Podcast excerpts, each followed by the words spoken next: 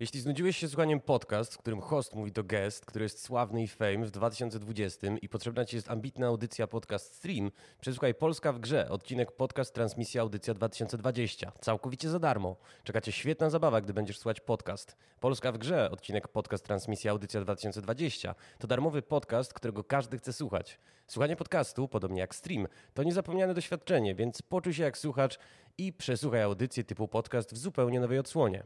To najlepszy podcast na rynku. Kliknij, by odtworzyć go na Spotify, SoundCloud lub Apple Podcasts. Przesłuchaj interesujących rozmówców. Już dziś zostań mistrzem w podcasty i słuchaj audycja.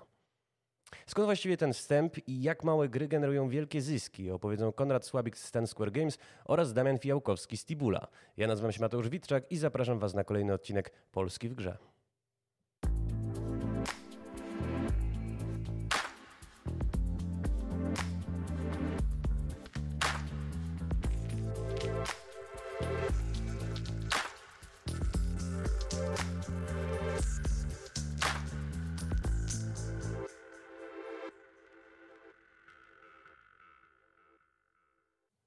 Moim i Państwa gościem jest dzisiaj Konrad Sławik z Ten Square Games. Cześć Konrad.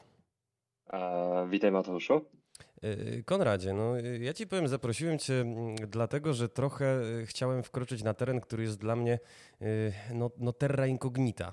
To znaczy o grach mobilnych słyszę w momencie, kiedy słyszę o tym, że bijecie rekordy w kapitalizacji, ewentualnie, że sprzedaliście x milionów jakiejś produkcji. Natomiast mam o tyle pojęcie, że postanowiłem trochę przewrotnie nazwać y, y, odcinek tego podcastu y, odcinek podcast Transmisja Audycja 2020. Dlaczego?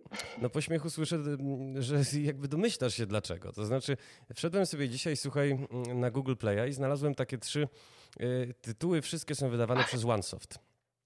Pierwszy tytuł. Space Shooter, Galaxy Attack, Galaxy Shooter. Drugi. Galaxy Attack, Alien Shooter. I trzeci, Galaxy Invaders, Alien Shooter. Pytanie y, y, do ciebie jako do eksperta. Skąd te tytuły? Dlaczego one są takie podobne i dlaczego te gry są y, no, bliźniacze? Widać tutaj podmiankę asetów, są jakieś reskiny, ale co do założeń i, fundamentów, no one są wylane w identyczny sposób.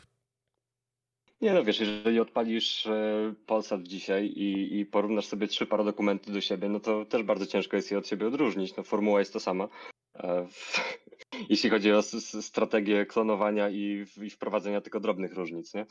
E, natomiast jeśli chodzi o tytuły, no to nie, nie sugeruj się tym za bardzo, bo to są to nie jest jakby wyższa półka. W sensie, w, mówiąc wyższa półka, mam na myśli to, że jeżeli robisz dużą grę i inwestujesz w nią dużo i chcesz, żeby zarabiała i chcesz być wysoko, no to zysk, który możesz uzyskać z kradzieży tytułu czy z używania popularnych słów w tytule, nie jest duży, nie? W sensie to jest bardziej sztuczka używana przez, przez powiesz, powie, powiedzmy niższych lotów gry, do tego, żeby zebrać troszeczkę więcej użytkowników, którzy przypadkowo trafią na nich w wynikach wyszukiwarki, nie? W, teraz już może nie jest to aż takie, aż takie agresywne, ale jeszcze parę lat temu, um, gdybyś wpisał fajna gra w wyszukiwarce Google albo gry dla chłopców, no to znalazłbyś po prostu 100 gier, które mają to w tytule, nie? Czyli mówisz, że to nie jest y, reguła, to nie jest y, y, jakieś modus operandi, ale sięgnąłem do artykułu Games Industry Biz niejakiego Matthew Handrahana, czy Handrahana, który pisze w bardzo swobodnym przekładzie. Na przykładzie APEC, którym ASO się udało, mam na myśli App Store Optimization czy Optimization, y, widać regułę. Nie opłaca się inwestować w jakość. Lepiej wydać kilka gier uderzających w różne rejony haseł, niż szlifować pojedynczą produkcję. Czy się zgadzasz? Ja raczej podtrzymuję to, co mówiłem. W sensie Ogólnie to działa tak, że. Czekaj, czekaj, czekaj, czekaj. to jest mm. bardzo ciekawe. To znaczy, no, to ja cię wypuściłem w maliny z tym Games Industry. To jest twój artykuł sprzed czterech lat. I ty go napisałeś. pięknie, pięknie.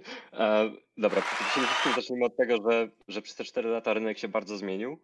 E, w, przejdźmy przez fakt, że 4 lata temu e, jeszcze ta strategia miała bardzo dużo sensu, e, dlatego że ASO jako tako działało trochę inaczej, dlatego że właśnie wystarczyło wpisać w tytule fajna gra, żeby być znalezionym, dlatego że Google miał totalnie inne restrykcje. Regulaminy i Google Play i App Store'a, to jest w ogóle fajny temat, bardzo, bardzo się rozwijają i przez ostatnie 4 lata mm, po wszystkich dużych akcjach w stylu wysyp klona, klonów Angry Birds, e, wysyp klonów tej gry, tamtej gry, 2048 i tak dalej, i tak dalej, Google Play i App Store zaczęli wprowadzać coraz, coraz szersze mm, weryfikacje gier.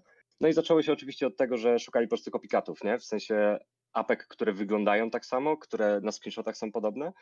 Mm, potem zatrudnili Hindusów, którzy ręcznie sprawdzali, e, czy aplikacja pobrana jest zbyt podobna do pozostałych, mm, aż wprowadzili w druzgocącą, powiedzmy, zasadę, e, która określa, że na jednym koncie nie, jest, nie, nie możesz zrobić kilku podobnych gier, które widać, że są jako kalki, które są, są od siebie odbite, nie? W sensie w, zaczęli jakby każdą grę porównywać w obrębie całego portfolio i nawet dodam, że Google Play jest w stanie wiązać między sobą konta, czyli jak założysz trzy konta, no to oni, oni wiedzą po IP-kach, po, po mailu, że to wszystko jest twoje I, i są w stanie po prostu zauważyć, że hej, to jest 45 gra o samochodach, którą zrobiłeś i znowu wygląda tak samo i tytuł się tylko trochę różni, padaj stąd, nie? Yy, wiesz, więc, więc przede wszystkim kontekst się zmienił, e, w ciśnięcie was, inwestycja WASO jako tako przestała być taką, wiesz, strategią, żeby, nie wiem, jesteś indykiem i chcesz nagle zrobię silnik i wypuszczę 30 podobnych gier i znajdę ten temat, który się sprzedaje. Nie, to, to już tak nie działa, nie? A co się stało z autorami, Więc... powiedz mi, którzy no. mieli na kontach y, faktycznie no masę tych kopii y, i co, po prostu musieli je usunąć? Tak. E, w skrócie wyglądało to tak, że w Google Play App Store, no wiesz, że tak naprawdę dla Google Play i dla App Store'a wartościowe jest mieć dobre aplikacje na sklepie i bardzo często wśród 40 gier jednego dewelopera, gdzie wszystkie były takie same, kilka z nich było dobrych, nie? Albo nawet powiedzmy, jeżeli 50 było takich samych, no to można je skumulować do jednej i byłaby to dobra gra czasami, nie? Więc no, w skrócie wystawiali deadlines, żeby, żeby pousuwać wszystko i zostawić jedną i, no i ci, którzy się zastosowali, to przetrwali. Ci, którzy się nie zastosowali, zostali usunięci. Jest to swoją drogą jedna z paru metod e, tych sklepów na czystki, żeby nie mieć zaśmieconego sklepu. Wprowadzają dużo takich zasad, żeby raz do roku, dwa razy w roku usuwać rzeczy, które nie, mm, usuwać gry, które których deweloper, którymi deweloper przestał się opiekować. Tak? Y, to jest bardzo dobry wątek, pociągniemy go za chwilę dalej, y, ale chciałem zapytać w tym kontekście, zanim mi ucieknie. Y, wy się chwalicie na stronie produkcją ponad 200 tytułów. Ja na Google Playu i na waszej stronie znalazłem ich 8. Co się stało z pozostałymi 192? Musiałbyś przejrzeć, jakie podspółki należą do naszej spółki i poszukać po tych tytułach. No w skrócie nie, nie mamy wszystkiego na jednym koncie. Tak? Czyli rozumiem, że pod ten Square Games są już takie perły w koronie. Tak, no, no generalnie jest to, jest to spółka, jak się, jak się mówi, spółka Parasol, a, pod mhm. którą jest kilka podspółek i, i w, one mają jakby, jakby swoje nazwy, swoje konta. To, to, też nie jest niepopularna metoda. Pozostałe firmy w Polsce też to robią. Yy, chciałbym Cię może o ten Ten Square trochę dopytać, bo yy, pamiętam yy, w lipcu taki news gruchnął, że jesteście warci 2,5 raza tyle pod względem kapitalizacji co CD Projekt z czasów trzeciego Wiedźmina. No i faktycznie chwalicie się od tego czasu sukcesywnie coraz większymi przychodami, przede wszystkim z, z Fishing Clasha który przypomnę, że w lipcu przychody te wyniosły około 9 milionów dolarów. I zastanawia mnie jedno. To znaczy, dlaczego wyście zaczęli w ostatnim miesiącu spadać? Bo był taki moment, że za akcję byśmy zapłacili miesiąc temu ponad 600 zł, a teraz 540. Wiesz, mógłbym wysnuć 16 hipotez na ten temat, związanych z w, w, spadkiem znaczenia covid na giełdzie, związanych z powrotem do życia y, spółek, które wcześniej miały znaczenie, ale przestały w trakcie covid i teraz wracają, korelacja z innymi firmami gamedevowymi i tak dalej, ale wiesz co, no ja, ja jestem protokolerem, siedzę głównie przy produkcie, przy analizie rynku, przy szukaniu jakichś, wiesz, y, E, w okazji na to, żeby, żeby zrobić zajebistą grę. I w, nie wiem, czy możemy używać słowa zajebisty, ale najwyżej się dotyka. Jestem od tego odseparowany i staramy się być od tego produktowo odseparowani, dlatego że giełda, wiesz, rządzi się przede wszystkim tym, że tam są jacyś ludzie, którzy coś sobie myślą, e, mają hajs i przerzucają go z miejsca na miejsce i to niekoniecznie ma związek z nami, nie? Więc e, dla nas z perspektywy produktu i tego, jak wartość tego, co robimy, przekłada się na wartość firmy. My to obserwujemy średnioterminowo, a nie na poziomie, w, o, przez miesiąc spadło 10%. Mało nas to obchodzi, szczerze mówiąc. W sensie no, z perspektywy oczywiście ludzi, którzy projektują gry, nie? A jak wygląda w ogóle struktura ten Square Games? Struktura. Wiesz co? Mm, w ostatnim czasie bardzo się rozrastamy. Ogólnie staramy się utrzymywać, nie wiem, w tej chwili 7 albo 8, a ogólnie tak mniej więcej do 10 aktywnie rozwijanych produktów. Mm, no i to działa tak, że to są takie cykle, nie? że otwieramy jakiś projekt, e, w, przez rok, dwa jakby on jest stworzony, e, poddawany paru etapom jakby weryfikacji na coraz większych grupach użytkowników. E, w, w którymś momencie jest, tak naprawdę na każdym z etapów może, może zostać zamknięty, szukamy nowych okazji, robimy nowe gry i tak dalej. Oczywiście w, w nie, jedna szósta firmy siedzi przy Fishing Clashu, no bo opłaca się po prostu, wiesz, y, rozwijać, utrzymywać, utrzymywać tak, tam znaczy, no, zważywszy, grę, a... zważywszy na fakt, że przychód y, wasz za, y, za lipiec wyniósł 10 milionów dolarów, a Fishing Clash to było 9 milionów dolarów, wcale mnie nie dziwi, że macie dywizję wydelegowaną do Fishing Clasha. Tak, no, no ale mam na myśli, że jakby największy zespół oczywiście pracuje przy, przy Fishing Clashu, no ale nie możemy, wiesz, jakby stać na jednej nodze, w, więc, więc szukamy nowych miejsc, no i no, Nasza statystyka, która jest jakby dużo ponad normę światową, jest taka, że e, mo, mogę, mogę się pomylić troszkę, ale wydaje mi się, że co, co, piąty projekt się bardzo udaje. Na takiej zasadzie, że można by było z niego zrobić osobną firmę i założyć biuro, zatrudnić parędziesiąt osób i pracować. E, w, więc, żeby to utrzymać, no to wiesz, przygotowując się na to, że, że Fishing Clash będzie sobie żył, no ale jeszcze 5 lat, może 10 lat, e, a może krócej, nie? E, no to mamy otwartych x dodatkowych projektów, które gdzieś tam się stabilizują, weryfikują. E, teraz e, dosłownie w ostatnich dniach e, mieliśmy globalną premierę gry, która jest połączeniem pasjansa i dekorowania ogrodów na przykład.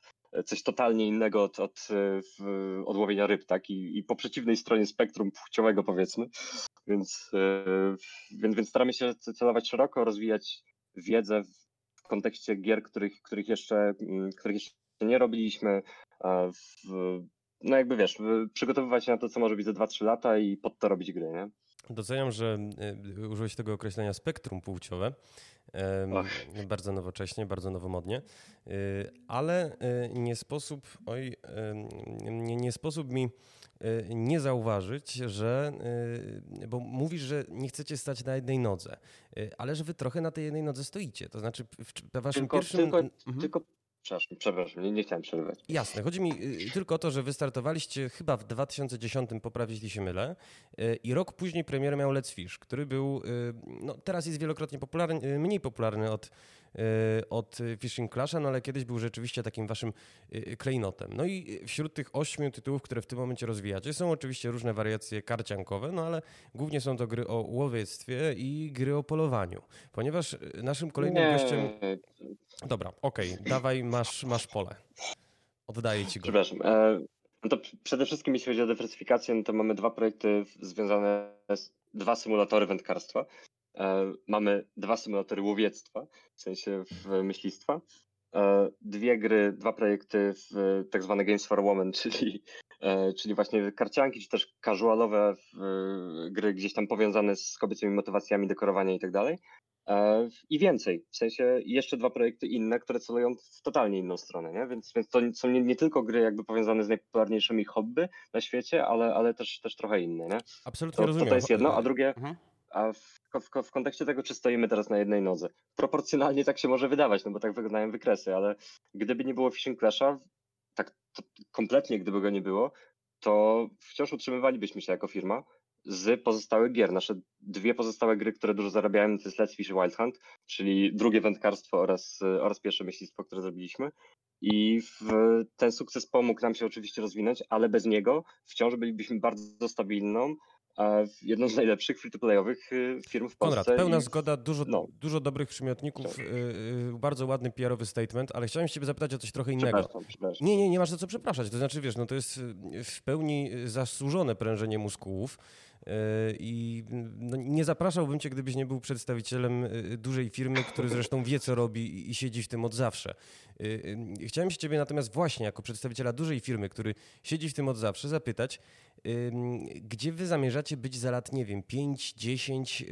Trochę dlatego, że moim kolejnym gościem będzie przedstawiciel Tibula, który to Tibul już zapowiedział, że y, y, tak, wraz z Infinite Corp wchodzi w segment premium, y, zamierza wydawać tytuły na PC. -ty. Niedawno zrobił porta na Switcha. Czy wy też zamierzacie dywersyfikować również platformy, na których wydajecie gry i, i czy możemy się spodziewać wkrótce jakiejś e, gry e, waszej, no takiej e, nietuzinkowej, bo to łowiectwo i, e, i, i, rybactwo to jest no takie wasze modus operandi już, już dobrze znane, już dobrze przez graczy poznane.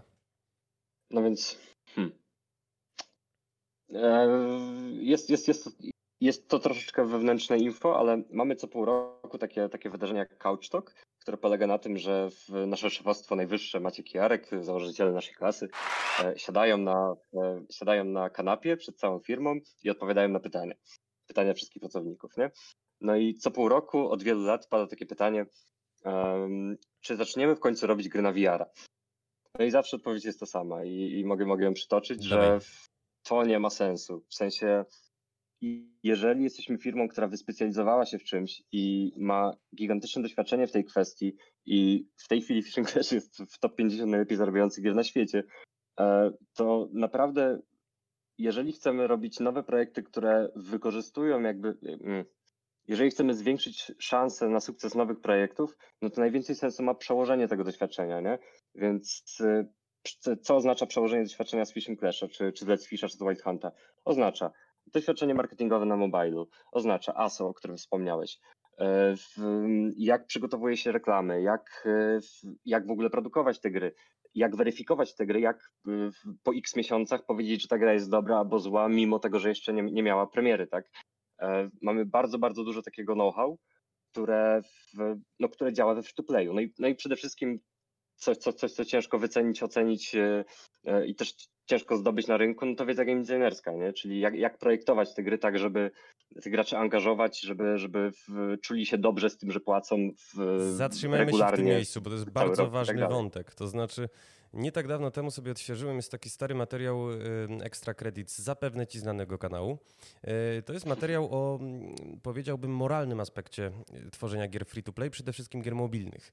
No i z tego materiału wynika, że większość ludzi tworzących gry free-to-play tego sumienia de facto nie ma. To znaczy projektuje gry pod kątem jakby zaprojektowania uzależnienia u, u klienta. I rozmawiałem o tym nie tak dawno temu z moim znajomkiem, którego może dla, dla niepoznaki nazwiemy Czarek Merniak. I ów mi sprzedał anegdotkę z Pekinu. To znaczy, odwiedzał tam firmy tworzące mobilne free-to-playe i w open space'ach siedzieli programiści, siedzieli animatorzy, siedzieli graficy, no w boksach po tam kilkadziesiąt, pięćdziesiąt, siedemdziesiąt osób. Nagle wszedł na salę na 250 osób yy, i otrzymał komentarz, że a tu siedzą ludzie, yy, którzy badają i projektują pułapki w grach. E, no właśnie w tym rzecz, nie? To znaczy musicie też projektować nie tylko grę, która będzie grywalna, ale też doświadczenie, w które gracz będzie na tyle wkręcony emocjonalnie, że będzie y, chciał wydać na nią pieniądze. Czy to jest moralne? czy to jest etyczne? E, no więc pytanie jest, jest, jest e, jakby poświęciłeś dużo energii, żeby zadać to pytanie dobrze, ale odpowiedź jest krótka. Grałem ostatnio w um, Into the Bridge i w. Dobrze mówię? Tak, tak Into the Bridge. E, taktyczna gra na, na, na Switchu. Um, poświęciłem na nią 150 godzin prawie. Wymasterowałem wszystko i w, naprawdę zaangażowanie, które ta gra wygenerowała jakby we mnie, celując perfekcyjnie, wiesz, w moje motywacje, w to, co lubię w grach, e, w to, co chcę masterować, to, czym chcę się bawić, to, co sprawia mi przyjemność, że no, byłem od niej totalnie uzależniony, a kiedy skończyłem, to czułem się tak, jak gdybym przez miesiąc pił alkohol i przestał, nie? I nie robimy niczego innego. W sensie próg, w którym gracz płaci, to jest po prostu ten moment w zaangażowaniu, w którym on już naprawdę, naprawdę mocno tego potrzebuje. I come on, wszyscy jesteśmy graczami, no i wiemy, że takie e, tego typu sytuacje jakby istnieją we wszystkich grach, tak? Nie we wszystkich, tym właśnie problem. To znaczy, Konrad, tak za Into the Bridge zapłaciłeś no. raz. Kupiłeś sobie wersję na Switcha, podejrzewam, że zapłaciłeś kilkadziesiąt złotych za tę przyjemność. Natomiast yy, ale, ale celem... Ale dodać, że ta gra się skończyła. Ta gra się skończyła, zapłaciłem, koniec. A we free to playu możesz płacić regularnie i grać ile chcesz. Problem w tym, że firmy tworzące gry mobilne przynajmniej wedle mojej wiedzy, możesz mnie poprawić, jeśli się mylę, ale bardzo liczą na tego klienta, który jest y, no, najbardziej uzależniony. One czerpią zyski nie z casualowego odbiorcy, który sobie odpali tę grę, popyka chwilę i pójdzie, tylko z tego, który się tak wkręci, że będzie na nią wydawał kilka tysięcy złotych, kilkanaście tysięcy złotych. O to mi chodzi. To znaczy, czy nie jest tak, że projektujecie doświadczenie, które nie jest skończone, ale które może komuś zrujnować życie potencjalnie? Nie mówię nawet o was konkretnie, o ten Square Games. Mówię generalnie o segmencie mobilnym, bo to jest jasne, moja wątpliwość. Nie no, wiesz co, w, przeformułowałem to, to, to, co mówisz że w taki sposób, że robimy doświadczenie, które jest nieskończone e, i raczej oceniam to pozytywnie, tak? W sensie w, nasze gry nie są jednorazowym doświadczeniem jak pójście do kina, tylko są hobby, takim jak pójście z wędką nad wodę i łowienie ryb. Tylko za każdym razem wydasz... To, jest, to, jest to tylko za każdym razem idąc na, na ryby, wydasz zapewne trochę na y, przynętę, może sobie kupisz nowy spławik, ale nie jest tak, że będziesz kuszony, y, y, wiesz, po prostu z kieszeni swoich spodni, żeby wydawać kolejne pieniądze i nie jest tak, że łowienie ryby, być może poza pewną pastą i, i filmem na jej podstawie, zrujnowało komuś życie. E, mogę cię zapewnić, że to nie działa jak heroina i ludzie, nie niszczymy ludziom życia w tym, ile wyciągamy z ich, z ich, z ich portfeli.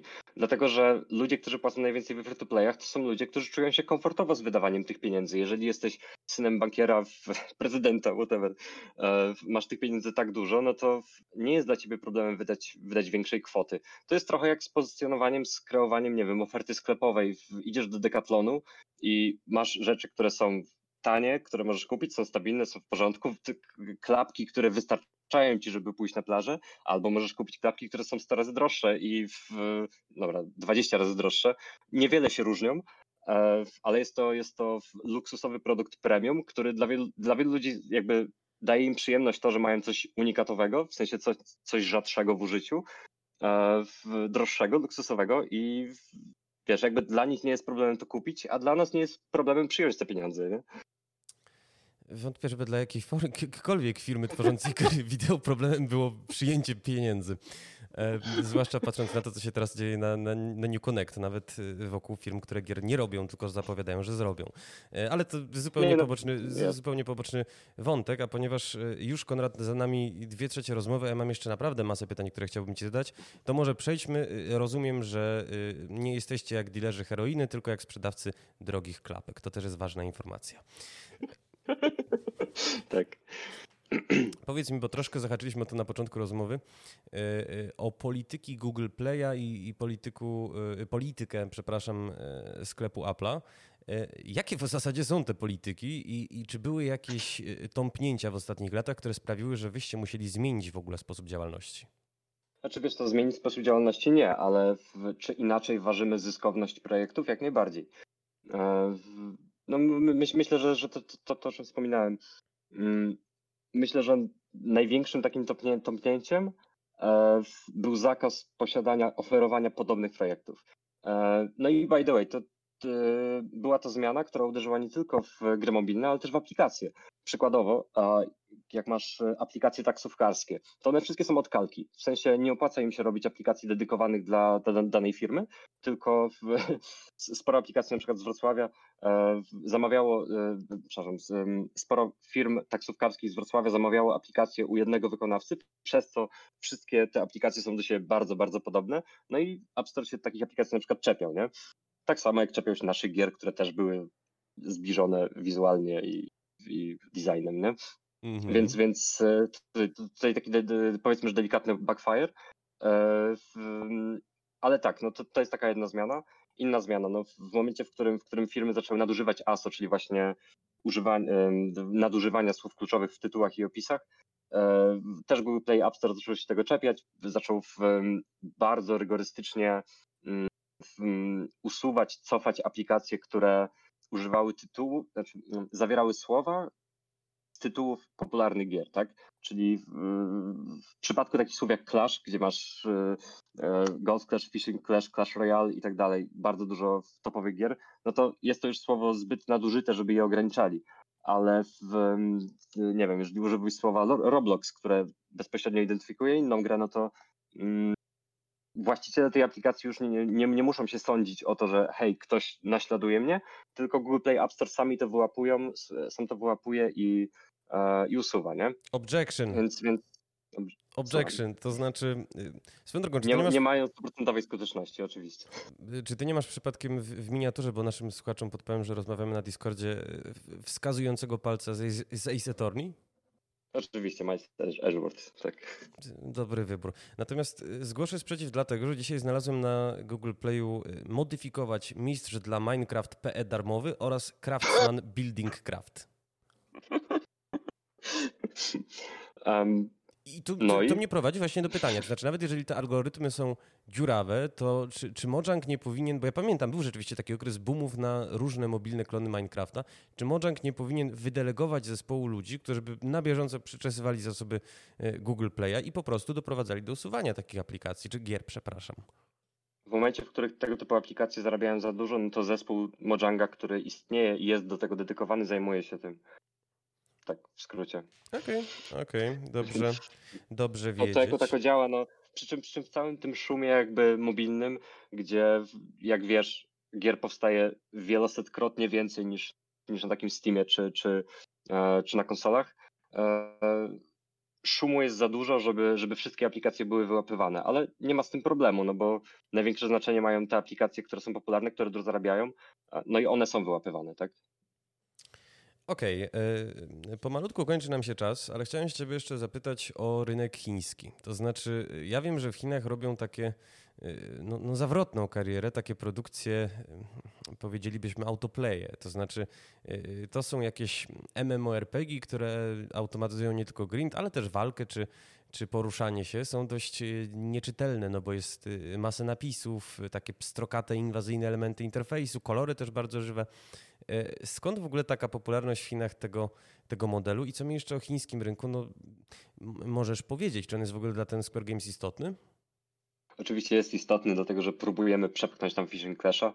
Um, z wyzwań, z ciekawych rzeczy. W Chiny, Chiny, Chiny działają w taki sposób, że jeśli chodzi o e, rynek gier mobilnych, to e, masz dwie, trzy największe firmy, które um, posiadają własne sklepy na Androidzie bo jako tako Google Play, Google Play nie jest tam używany. E, no i z tymi firmami musisz się dogadać, w sensie musisz do tego stopnia się z nimi dogadać, że robią ci review własnoręczne każdej aplikacji, czepiają się w lokalizacji po prostu maksymalnie, czy, czy, e, czy jakaś pani ma za bardzo odsłonięty dekolt, czy, czy, czy, czy dobrze dobrałeś chińskie słówka, w sensie, czy dobrze dobrałeś um, słowa przy tłumaczeniach.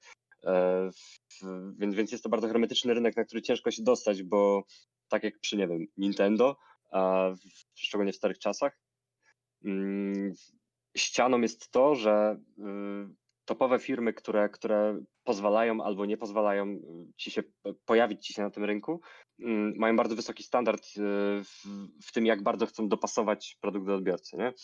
Więc, więc to jest jedno.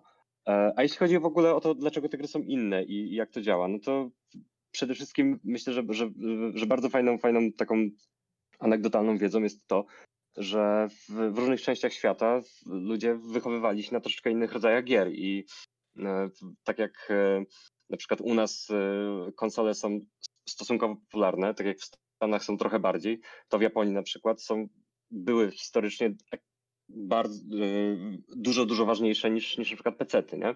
Więc e, w, to, to naturalnie wpływa na to, jak wychowani są ci odbiorcy, czego oczekują, czego chcą od gier i jak im się robi gry dzisiaj, e, w jakiejś tam kategorii wiekowej, opłacalnej, powiedzmy, że dorosłych ludzi, którzy mają pieniądze, nie? Bardzo istotna kwestia. Mm. Jaki jest odbiorca dorosły, który ma, ma, ma, pieniądze? Czy jesteśmy w stanie stworzyć jakiś jego profil i czy on się różni zależnie od tego, czy mówimy o odbiorcy z Chin, czy z Polski, czy z USA? Nie, nie, jeśli chodzi o wiek, płeć, jeśli chodzi o zainteresowania, to nie różni się bardzo, natomiast bardzo się różni, jeśli chodzi o preferencje względem gier, nie? E, stąd właśnie różnice między, między najpopularniejszymi grami w Japonii, w Chinach, e, u nas. No i to, to do czego chciałem doprowadzić, to że mm, w Chinach gry jako, jako, w, jako zjawisko stało się, stało się popularne dopiero z wprowadzeniem gier mobilnych. Więc y, rzadko masz tam ludzi, którzy, tak jak my, nie wiem, wychowali się na Falloutie, na Need for Speedzie, na, na tego typu grach, czy, czy jakichś CRPG-ach. E, tym bardziej nie masz, e, nie masz ludzi, którzy znają e, stare arcade'owe, konsolowe gry.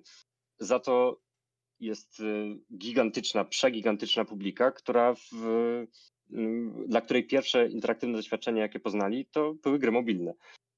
Gry mobilne, które były proste, casualowe, stąd, stąd, też jakby, no i powiedzmy, że brakuje im, im narzędzi do, czy też narzędzi, um, nie posiadają takiego wachlarza doświadczeń jak my względem tego, czego oczekujemy od gier i, i jak chcielibyśmy, żeby wyglądały, e, jak bardzo doceniamy challenge w grach, jak dużo potrafimy manualnie zrobić, jak bardzo potrafimy wykorzystywać różne skille, które, które mamy z innych gier.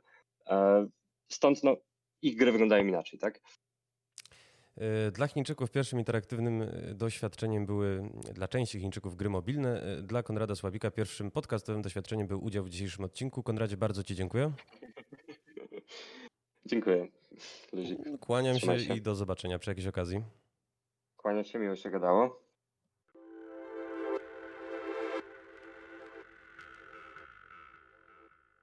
Moim i Państwa drugim gościem dzisiaj jest Damian Fijałkowski, współzałożyciel Tibula. Cześć Damian. Cześć, witam wszystkich.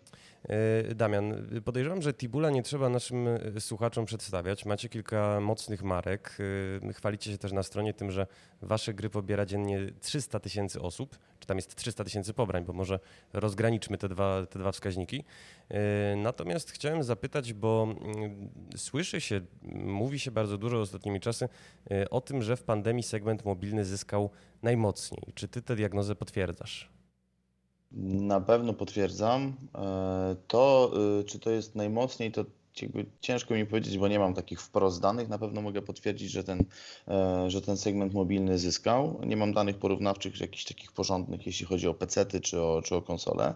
Na pewno duża część osób, które do tej pory nie grało w, w gry w ogóle albo grało bardzo sporadycznie, sięgnęła po te gry trochę mocniej i na trochę dłużej. I rynek mobilny z e, tymi tytułami, które my jako rynek mobilny oferujemy graczom, jest takim rynkiem powiedziałbym o najmniejszym progu wejścia dla kogoś, kto nie był do tej pory graczem. Tak? Po pierwsze, e, jakby nie ma bariery sprzętowej, bo jeżeli ktoś nie grał wcześniej, nie ma PC-ta porządnego, czy nie ma konsoli, no to żeby w coś zagrać, musiałby jakby zacząć od tego, żeby ten sprzęt sobie tam zorganizować, co jest jakąś barierą, versus telefon, gdzie tak naprawdę każdy go ma e, dzisiaj w kieszeni. Tak?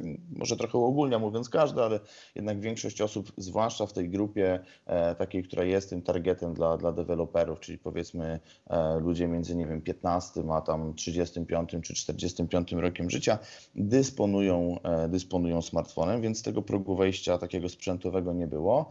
E, I coś ci ludzie przede wszystkim musieli zrobić z wolnym czasem w momencie, kiedy zostaliśmy gdzieś tam mocno, mocno pozamykani w domach i gdzieś tam te nasze aktywności pozadomowe zostały mocno, mocno ograniczone. I to się potwierdza też jakby z innych źródeł, że tego wolnego czasu mieliśmy więcej, bo dane z takich serwisów jak YouTube czy jak Netflix też pokazują, że, e, że ludzie sięgnęli po jakąś elektroniczną rozrywkę, rozrywkę, która była łatwa do dostarczenia, no bo wystarczył internet. E, jakby kończyło się to tym, że te największe platformy streamingowe nawet obcinały jak, jakość tych produktów, które, e, które streamują, tak? Czyli nie można było oglądać na przykład 4K na Netflixie. Netflix to przyciął tak, żeby nie, jakby nie zapomnieć zapychać łączy internetowych. Także coś ci ludzie musieli zrobić z wolnym czasem i na szczęście dla nas, czy, czy cieszymy się z tego bardzo mocno, wybrali też rozrywkę w postaci gier, zwłaszcza gier, gier mobilnych. Y, faktem jest, że nie mamy danych PC-owych czy konsolowych, możemy tylko bazować na jakichś takich cząstkowych sukcesach, y, czy Duma Eternala, czy Animal Crossing, y, że wspomnę takie dwa faktycznie pandemiczne hity. Natomiast dane Sensor Tower wskazują, że gry na iOS-a i telefony z Androidem odnotowały około 50 procentowe wzrosty. Y, no na rynku wtedy w ogóle doszło do, y, zdaje się, sporych przetasowań, bo y, traciły, co dość oczywiste, aplikacje związane z podróżowaniem, ze sportem, z nawigacją, finansami czy pogodą. Ale chciałem się Ciebie zapytać, jak no, jest faktycznie moment koniunktury.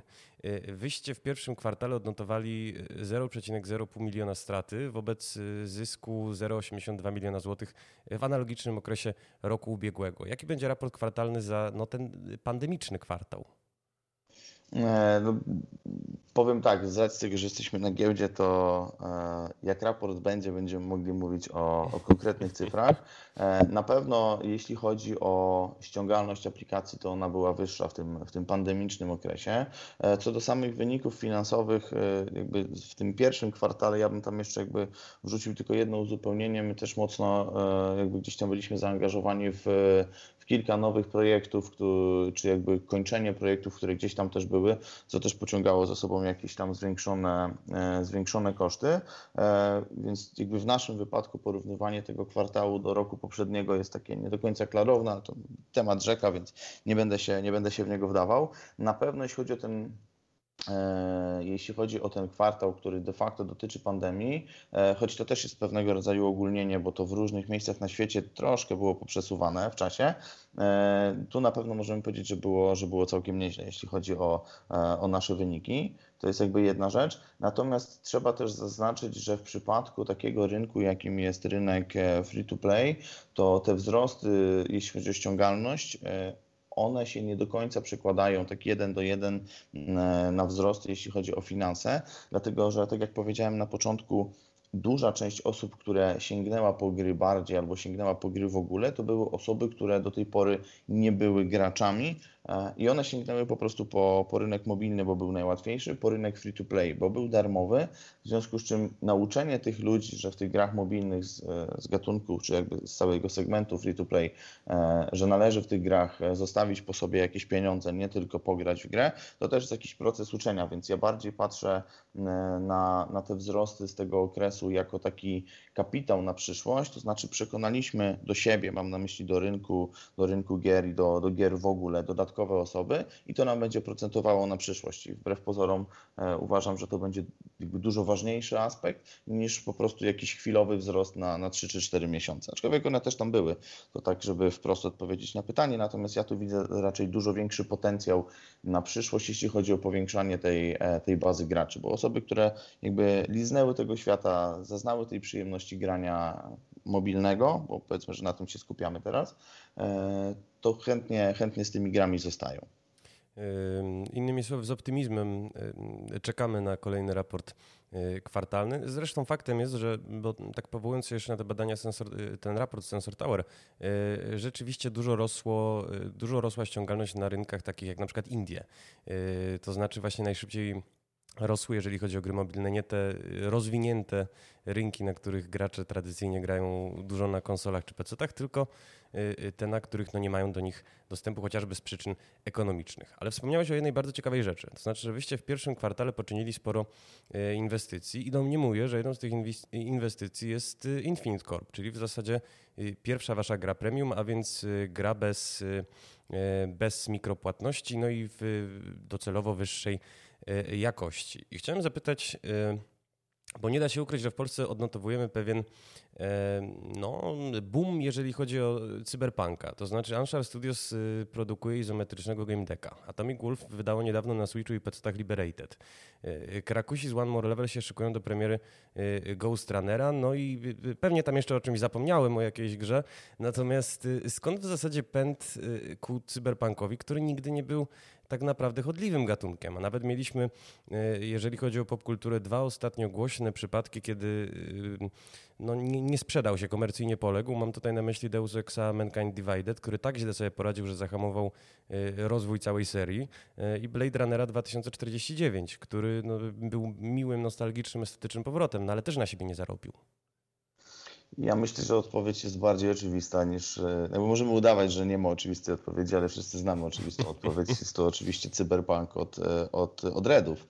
E, który napędza, mam wrażenie, takiego bardzo dużego hypa i na tyle dużego, że nawet osoby niezainteresowane wprost cyberpunkiem jako takim, jako pewnego rodzaju systemem gry, jeszcze wywożącym się tak naprawdę z wersji papierowych, tak, jakby słyszą o tym tytule mm, i zaczynają się interesować powiedzmy tym gatunkiem, czy powiedzmy tą, tą kulturą cyberpunkową i tu jakby nie ma co ukrywać, że większość firm, e, które wypuściło jakieś tytuły w oparciu o cyberpunka, jakby liczy, liczy na ten hype. My zresztą tak samo, to mm, jakby też e, jakby ja tego nie ukrywam, że, e, że moda na cyberpunka jakaś się pojawiła i jakby w mojej ocenie ze względu właśnie na, na zbliżającą się premierę od Redów. No i jakby źle byłoby nie wykorzystać takiej okazji, jakby z dwóch powodów. Jakby nie chodzi o to, żeby się podpinać w jakiś taki negatywny sposób pod to, co, co robią Redzi, ale może właśnie wykorzystać to, żeby przedstawić szerszej grupie odbiorców system gry, e, czy jakby całą kulturę czy subkulturę cyberpunkową, która gdzieś tam sobie leżała w szufladzie, nie była taka super popularna poza jakąś wąską grupą osób, a jest bardzo ciekawa i daje bardzo dużo możliwości też twórcom, bo e, jeżeli się jakby e, przeniesiemy do czasów takich cyberpunkowych, gdzie mamy różne możliwości technologiczne, tak, czy tak jak w Deus Exie, czy tak jak mamy e, w tym, co już Redzi zapowiedzieli, widzimy jakie możliwości, co, co możemy zrobić z ludzkim ciałem, mamy jakieś wszczepy, mamy jakieś różne kombinacje e, takie, które pozwalają nam bardzo rozbudować świat o rzeczy, których nie ma do tej pory, to jest świetne miejsce do tego, żeby powstawały dodatkowe czy tytuły nie tylko Cyberpunk od Redów, e, które pozwolą się rozwinąć deweloperom. Więc moim zdaniem jest to bardzo fajna okazja do tego, żeby mm, otworzyć się na pewnego rodzaju nowy gatunek przy okazji właśnie hype, który się, e, który się pojawił. Pytanie jednak, czy wyście na tej chodliwości e, tematu spowodowanej no, rychłą premierą Cyberpunka 2077 skorzystali? Pytam dlatego, że faktycznie pamiętam, jak rozsyłaliście prasówki na temat Infinite Corp, to byłem szczerze zainteresowany, jak zazwyczaj w ogóle nie jestem klientem gier mobilnych, natomiast teraz sobie zerknąłem na Google Play'a i ma gra 31 ocen, a wasz Top Speed na przykład ma ich 794 tysiące, Motorrider Go 622 tysiące, a Tank Battle Heroes 112 tysięcy. No to jest duża różnica skali.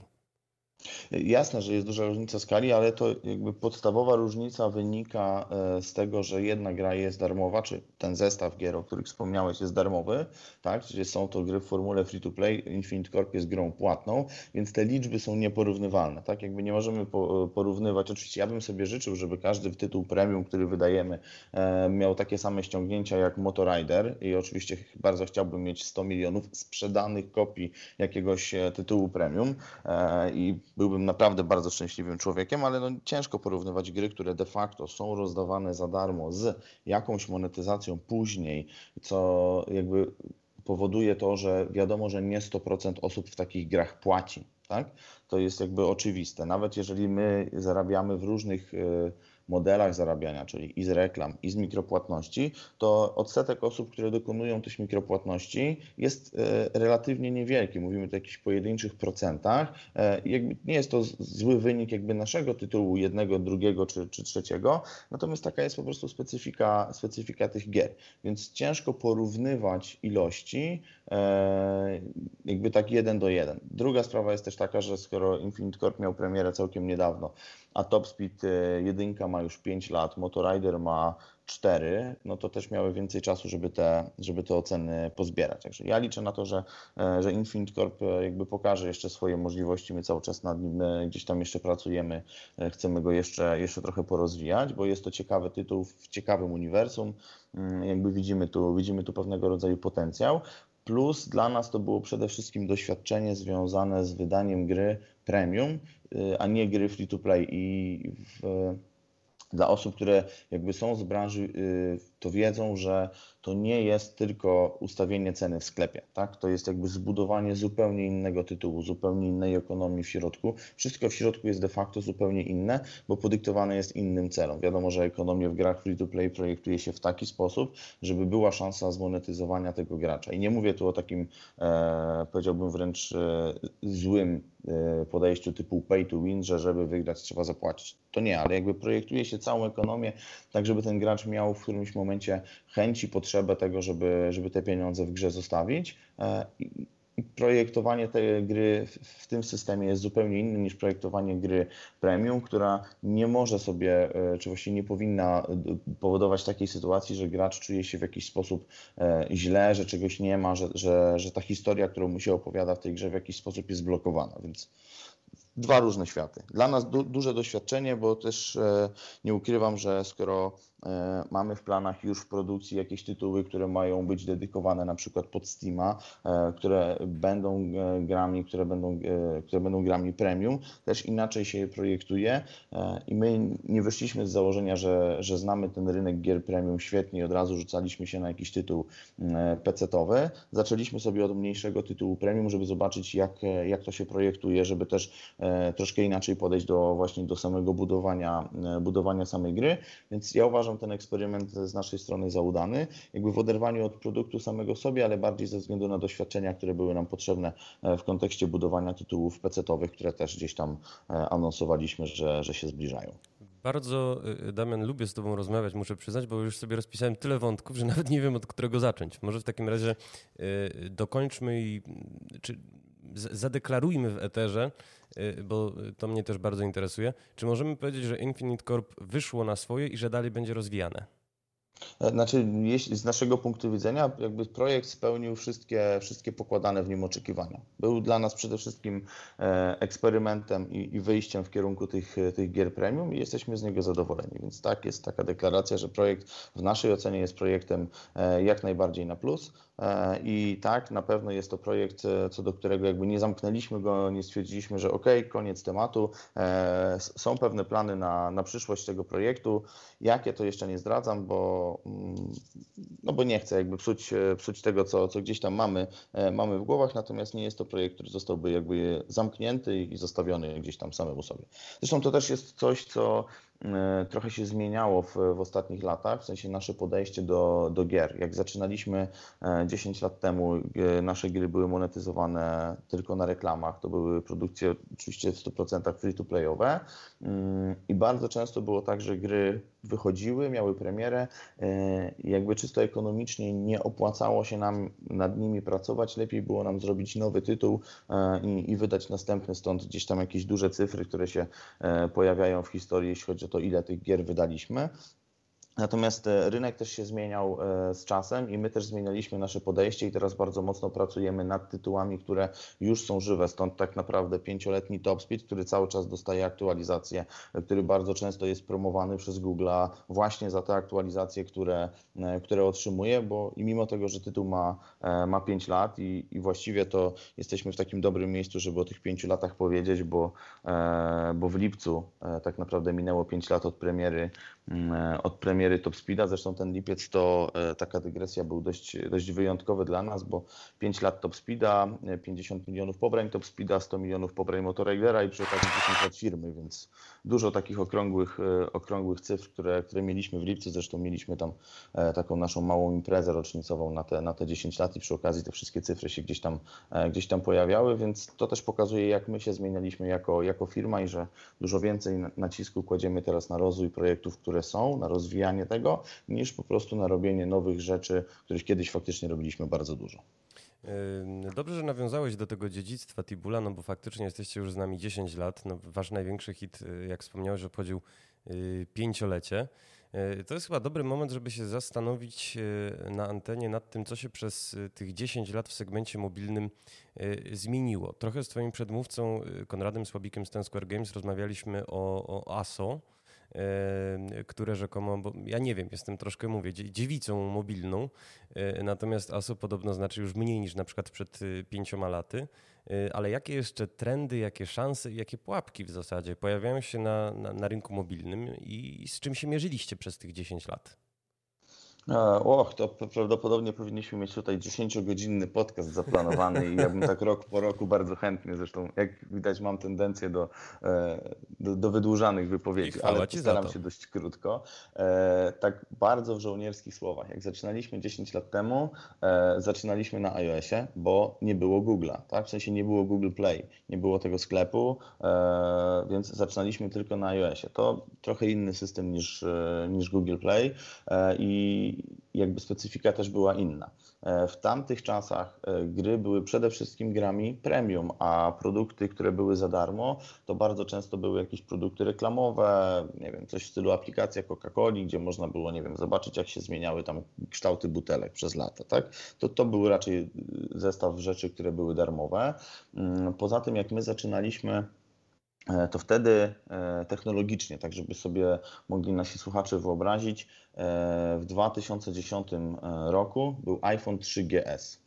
E, dzisiaj mamy iPhone'a, tam już się pogubiłem, 11, tak? czy tam Xa 11 mamy teraz, więc tych generacji po drodze było, tych głównych generacji, e, od tej, której my zaczynaliśmy mm, do dzisiaj, to tak naprawdę jest 9 generacji telefonów, przez które my, e, przez które my weszliśmy. Tak? Przeszliśmy od trójki po, po 11, gdzie po drodze zawsze była jakaś generacja z plusem, czy, czy taka połówkowa i mnóstwo różnych rzeczy. To, to taki jest przepaść technologiczna, jeśli chodzi o wydajność, to tych urządzeń też to się dużo zmieniło zmieniło, więc to jest taka rzecz, która się zmieniła e, i ma to swoje konsekwencje, powiedziałbym, y, generalnie na plus, ale jakby też y, ze względu jakby od strony deweloperów jakby zwiększa nakład też pracy, bo kiedyś telefony były słabe i gracze nie wymagali od nas cudów, jeśli chodzi o grafikę na przykład. Dzisiaj, kiedy te telefony są bardzo mocne, no to wszyscy chcą ekstra grafiki, tak? To jest ta sama tendencja, która jest na PC, że teraz wszyscy chcą grać w 120 klatkach 4K e, i na jakimś tam w ogóle turbo ultra sprzęcie po 30-40 tysięcy za, za zestaw. E, I jest taka tendencja też na mobilu. To tak graficznie to, to się pozmieniało.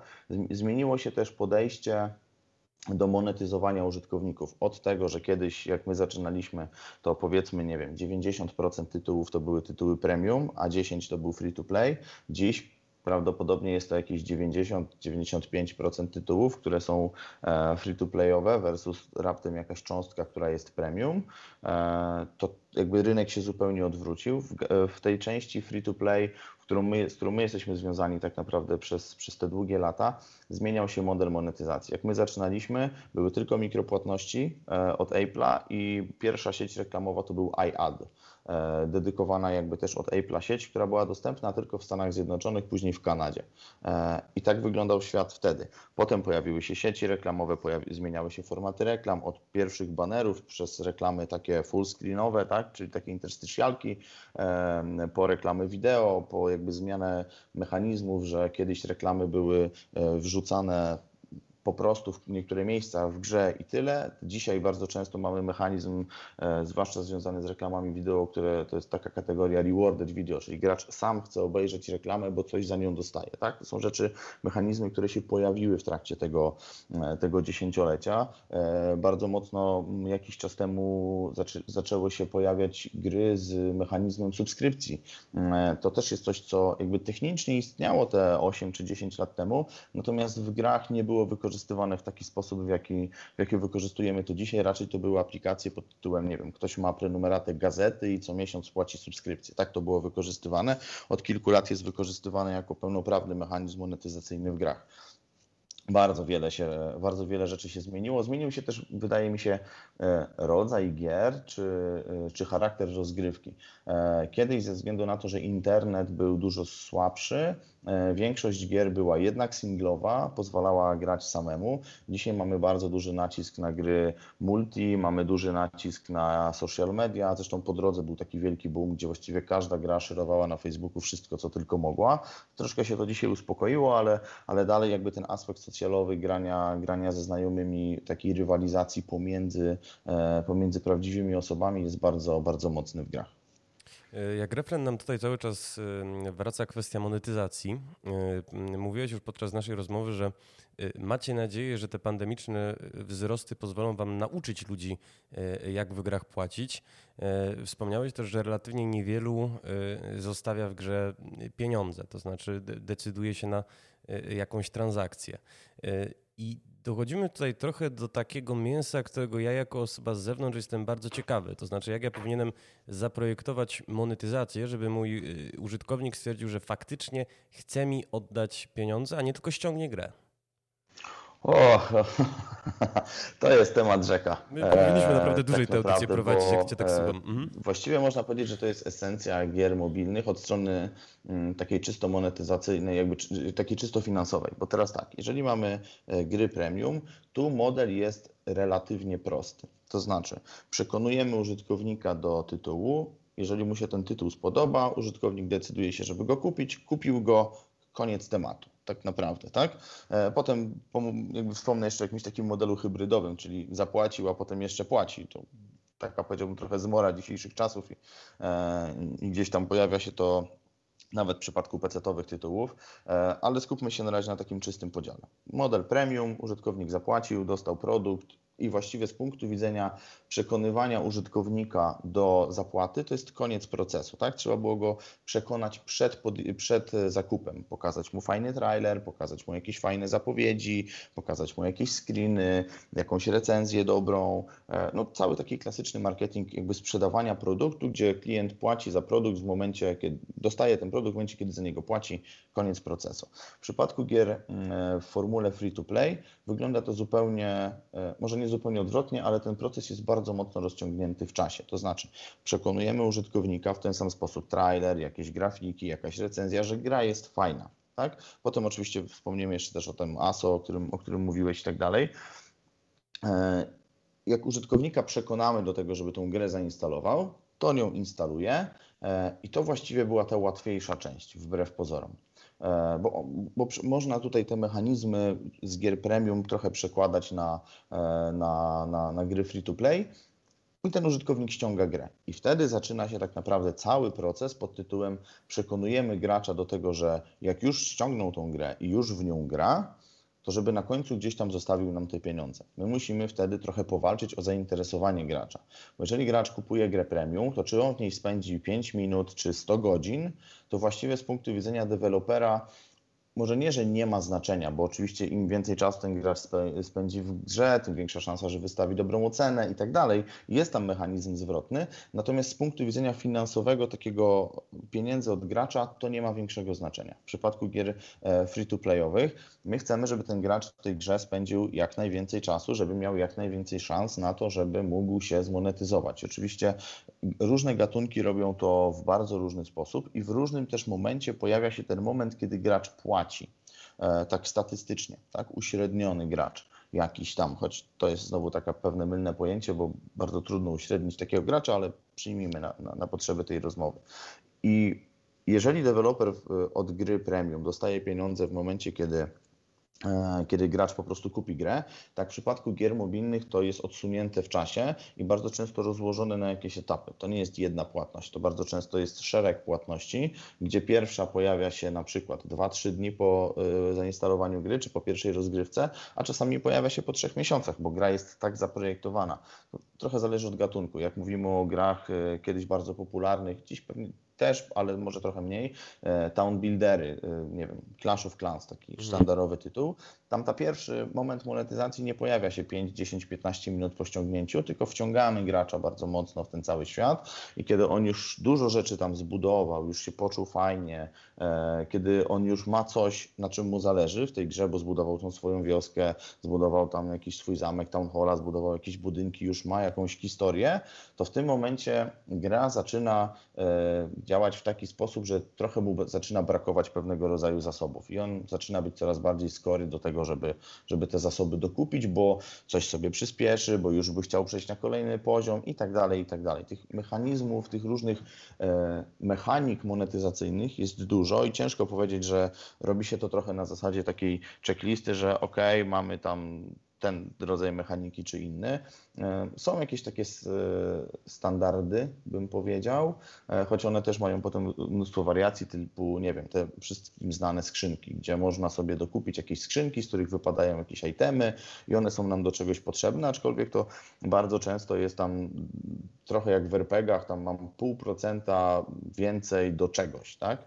E, I tych, tych itemów musi być odpowiednio, odpowiednio dużo.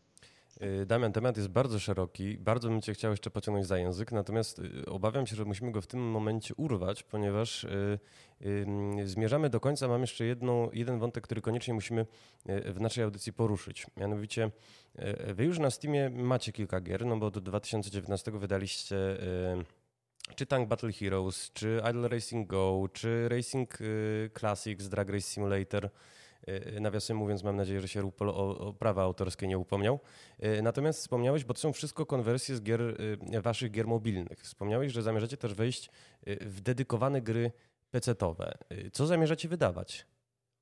E, mm, tak, jakby wchodzimy, e, wchodzimy zgodnie z, jakby z taką ogólną strategią rozwoju firmy, którą tam parę lat temu też gdzieś publikowaliśmy. Wchodzimy z tytułami, które będą dedykowane pod, e, pod PC i pod konsolę chciałbym dwa słowa o tym, co to oznacza. Oznacza to głównie to, że tak jak tu wspomniałeś, że mamy gry, które są portami z gier mobilnych na PC, tu raczej mówimy o grach, które są projektowane pod użytkownika PC-owego i być może się nigdy nie doczekają wersji, wersji mobilnej albo jakiejś mocno zmienionej. Tak? E, więc e, na pewno jednym z tytułów jest e, Space Survival Simulator, którego też anonsowaliśmy. To jest tytuł, który zakłada e, naszą podróż w kosmosie, gdzie jesteśmy rozbitkiem na jakiejś tam obcej planecie, lecieliśmy tam sobie jakimś sprzętem kosmicznym e, i teraz musimy wrócić do domu. I ten powrót wymaga od nas odbudowania e, tej naszej rakiety czy tego naszego statku kosmicznego. Oczywiście to się nie może udać od razu, trzeba to robić etapami, gdzieś tam zbierać jakieś zasoby. To jest mniej więcej ten tytuł. E, drugi tytuł, którym wspomnieliśmy, że, że będzie, jest na razie trochę owiany taką nutką tajemniczości e, i szczerze powiedziawszy chciałbym go w tej nutce tajemniczości zostawić jeszcze, jeszcze na ten moment. Na, na razie pojawiły się właściwie jakieś takie bardzo enigmatyczne pierwsze zapowiedzi, co to dokładnie będzie, e, więc e, na pewno będzie, będzie to coś fajnego. E, mogę powiedzieć, że będzie to tytuł bardzo bliski mojemu sercu. E, tak już zupełnie prywatnie, w oderwaniu oczywiście od tego, że wszystkie inne są mi bliskie, bo, e, bo robi je Tibul, natomiast ten, ten zupełnie, zupełnie jeśli chodzi o moje prywatne zainteresowania, będzie, będzie bardzo mi bliski. Specjalnie mam efekt dźwiękowy w ogóle na taką okazję. Y, powiedz mi w takim razie, Damianie, y, w jakie ty gry grasz, bo może będziemy w stanie, y, jako odbiorcy też tego komunikatu, trochę wydedukować na tej podstawie. E, chętnie powiem, w, e, w, co gram, czy w co lubię grać, aczkolwiek odpowiedź będzie zupełnie myląca, jeśli chodzi o to, jaki to będzie tytuł. Ale, ale możemy zagrać. W sensie dorzucimy jeszcze, e, jeszcze więcej mgły nad to, nad to, co tutaj planujemy. Ja jestem, e, ja lubię gry, które mają fajną, e, które mają fajną historię. E, ostatnio jestem po zagraniu w, The Last of Us dwójkę. Bardzo podobała mi się pierwsza część. Nie spoiluj, bo właśnie zaczynam. Także. Okej, okay, bez spoilerów, bez spoilerów. Także tytuł fajny, ale tu mógłbym coś powiedzieć, ale bez spoilerów, więc ogólnie, ogólnie na plus. To chyba jeden z moich ulubionych tytułów, z tych takich powiedziałbym nowożytnych. Choć jak ja zaczynałem granie dawno, dawno temu, to oczywiście byłem fanem Duma, byłem fanem Quake'a dwójki, byłem fanem Quake'a Areny, gdzieś tam lubiłem trochę postrzelać, potem mi trochę przeszło. E, chyba ze względu na to, że nie mam na tyle dobrego skilla, żeby sobie poradzić z tymi wszystkimi wymiataczami robiącymi nawet wtedy, e, jak grało się jeszcze po lanie gdzieś tam w, w sali komputerowej w szkole, więc e, wszyscy chłopacy, którzy mieli opanowane rakiet jumpy do perfekcji, byli lepsi ode mnie, więc, więc ja tak dla przyjemności lubiłem. Natomiast jak mówię, chyba najwięcej, mm, najwięcej przyjemności sprawiają mi gry, które mogę w pewien sposób ukończyć mm, w pewien sposób może nie zmasterować, bo nie jestem też tym tak do końca osobą, która łowi te platyny na PlayStation, bo ja akurat jestem użytkownikiem PlayStation, a nie Xboxa. E, ale lubię, lubię mieć pokończone różne wątki, e, co gdzieś tam przykłada się na jakieś takie zachowania z zakresu małego OCD, zbierania dużej ilości znajdziek, tego typu historii.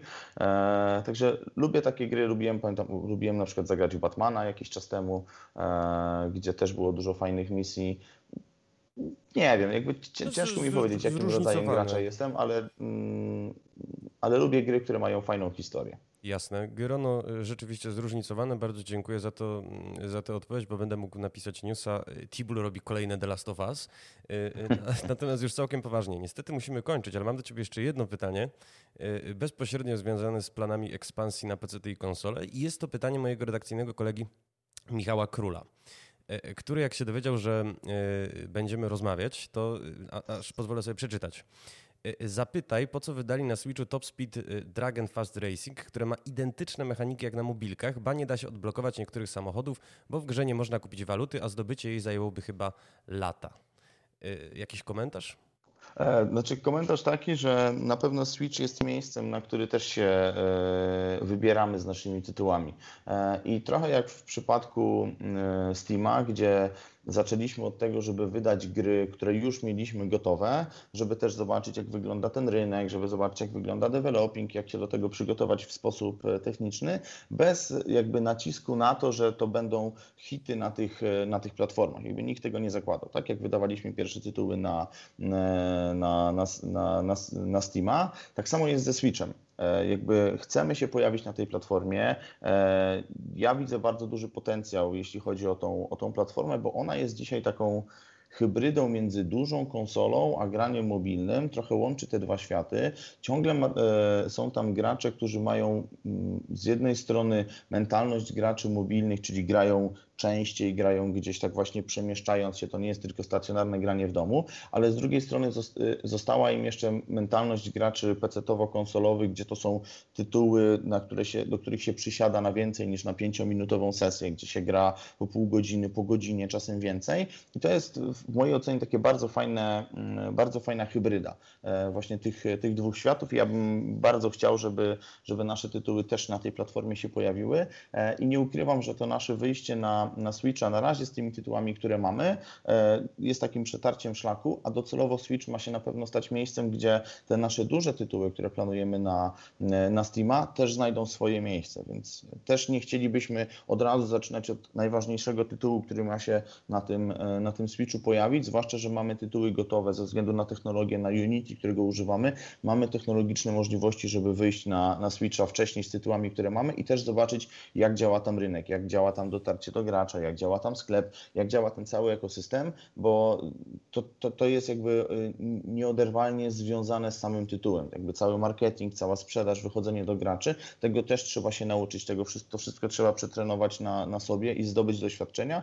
Stąd jakby nasza chęć e, wyjścia z tytułami, które mamy. Top Speed to pewnie był mimo wszystko najlepszym wyborem na, na start, bo tytuł, co do którego mamy dużo opinii, dużo poprawek już zdążyliśmy wprowadzić e, i tak, nie jest to w 100% tytuł skrojony na, na Switcha, ale jak pokazują wyniki na na tej platformie. E, nie chcę teraz skłamać, ale tych, tych ściągnięć było tam pewnie kilka, kilkanaście tysięcy e, na ten moment, może trochę więcej, e, więc wydaje mi się, że nie jest, nie jest tak źle. Jest, A co na do tego... czym, jest na czym zdecydowanie budować, natomiast tak. Damianie, bardzo jest mi przykro, bo się z tobą super rozmawia, ale musimy już pomalutku kończyć. No, pozostaje mi życzyć na koniec, żeby te szlaki, które właśnie przecieracie, no, doprowadziły was do, do ciekawych gier wszyscy na tym przecież skorzystamy. Moim Państwa gościem był Damian Fijałkowski, współzałożyciel Tibula. Dziękuję serdecznie.